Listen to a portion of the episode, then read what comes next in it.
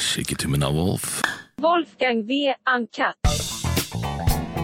Hva var det som forførte Netflix med Lillehammer? Var det, var Steven- casten? var? Steven, var Steven som gjorde ett kämpejobb där. Ja, var det? Ja.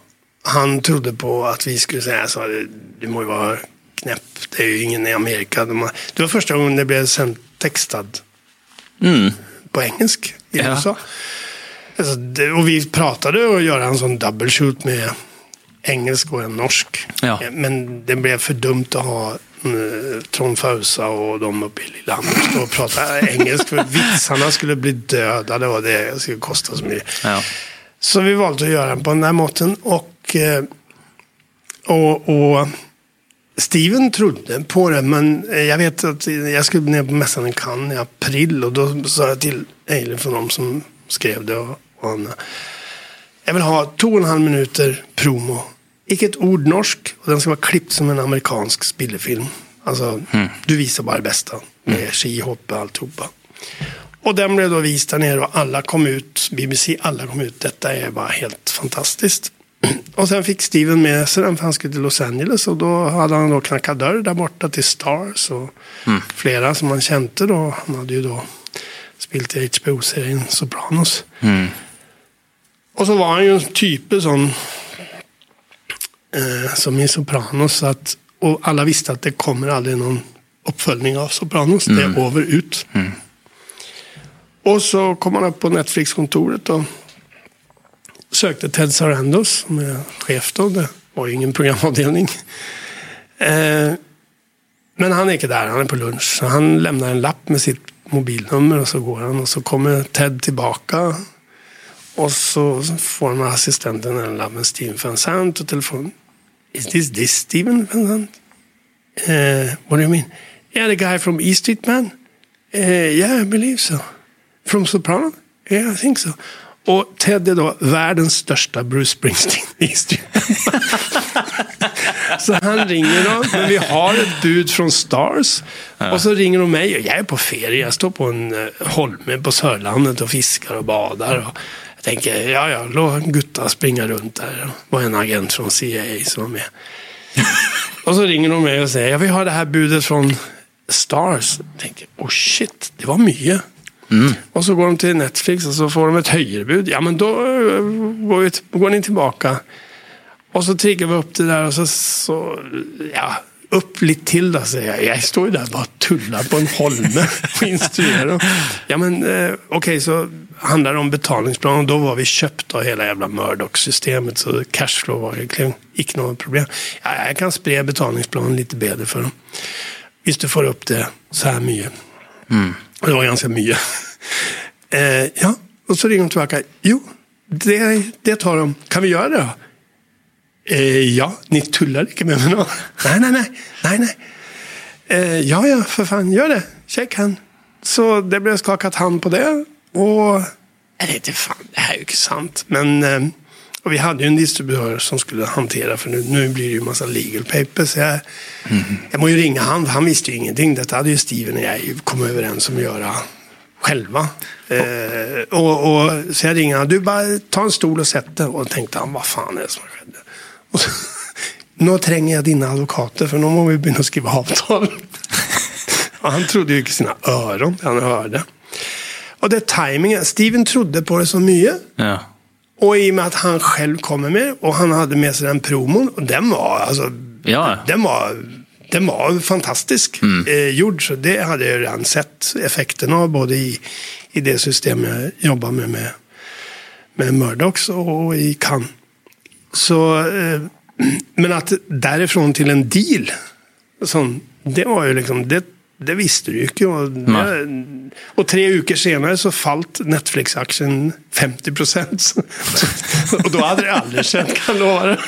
Å, fy faen, for en timing, da. Ja, ja, så det, det är mycket hell i sådana här saker. Så men han solgte basically han solgte dritten ut av den ene promoen og Ja, altså, sikkert de- seg selv og Ja, ja, nej, ja, alltså, da, Det det, var- de och det var det var och det- ja, ja, det han tände, Ted på det. Och jag pratade med Reed Hastings om det här och jag pratade med Ted om många gånger. Och, och nej, detta var Det något ha. som de icke, någon av de andra hade. Det stack ut. Det var något udda. Det hade en Sopranos... Eh, alltså, vibe. De, eh, vibe i det i USA. Sopranos var aldrig en stort i Europa, men det hade en vibe i det. Med denne Silvio Dante, som inte var Silvio Dante nå längre, utan vi prövade ju komma så långt från som möjligt.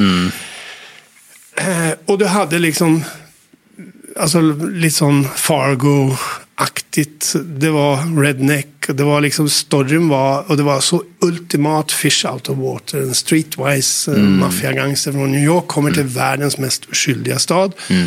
Som var eh, Lillehammer som hade haft ett o... Alltså sättningen var helt briljant. Eh, så det, det har ju de som har skapat Anne och Eilif virkelig gjort fantastiskt. Men men han trodde på det så in i helvete, Steven. Och det hade aldrig gått utan att Steven Nej. trodde på det. Och, och det de gör det är att de beställer två serier, option på fyra. Promo på fire. Option på Option- ytterligare ja, fyra optioner. säsonger. Ja, ja, Eh, vänta. I helvete. Mellan 8 till 13. Hadde dere skrevet noe manus? Hadde Nej, dere vi, hade- ingenting? fan, vi, var inte, vi var inte ens färdiga med första säsongen.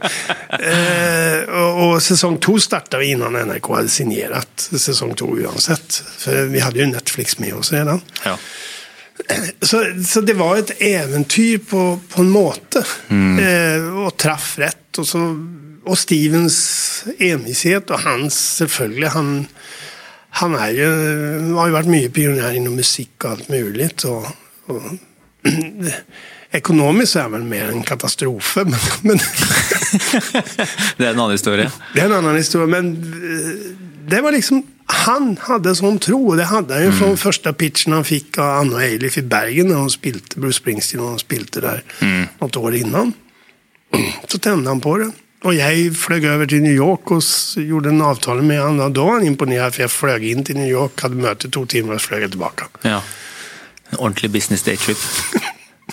Men var, var den skrevet till han, den serien, eller var han bare Vi hade, på? for- vi hade han på, på posten, på flyen, på, men det var inte, vi hade ju inte han. Nej. När vi, utan vi satte ju in den här Silvio Dante-figuren från Mm. Sopranos i det. Vi visste att han var en Norgesvän. Mm. Spilte mycket här med Bruce Springsteen och därför bad vi om det mötet i Bergen. Mm. Så vi visste han hade han, och han hade massa rockband här i Norge som aldrig blev någon kommersiell succé. Men som han trodde på. Så han hade ju en, en anknytning till Norge. Och likte så här och, och, och och det. Men det var ju inte, alltså vi, när vi sålde det så, så visste vi att vi, vi tänkte en amerikan i den rollen. Och jag tror NRK hade köpt det oavsett. Ja. Det komiska var att vi gick runt med Lillehammer, något som heter Specialnyheter, tredje ögat och presenterade för TV3, TV2, nej, TV3, TV Norge och NRK. För TV2 hade vi ett drama som redan gick. Alla fick presentera alla tre. Och det komiska är att TV3 väljer specialnyheten, TV Norge väljer att utveckla tredje ögat och NRK väljer. Så alla hade fått tillbudet. Wow.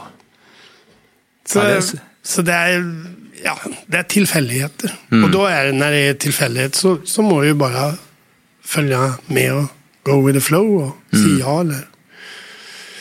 Så, men det, det, ja, och idag är de, och sen är hela lanseringen av Netflix i Norge blev ju en succé på grund av att de hade gått in i Lillehammer. De Mm. kunde ju inte visa Lillehammer akkurat då för det, i Norge, för det låg ju hos NRK. Mm.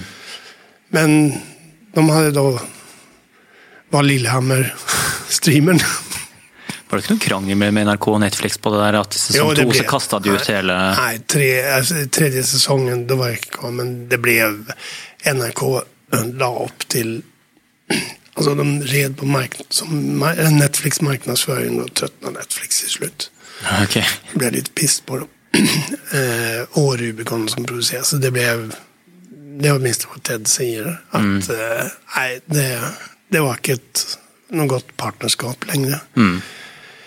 Eh, men samtidigt så är det vanskligt att göra en sån dramedy. För du får samma historia om och om igen egentligen. Det är Det var å lage mange sesonger. Ja, där, du har en politiman. Det kan du laga. Ja. Hur många som helst av. Det, det kan du bara repetera. Men när du hade gjort första säsongen så hade du tagit det ultimata utav Fish Out of Water. Och så kan du fortsätta lite säsong två och sen begynner det att bli liksom Ja, ikke sant.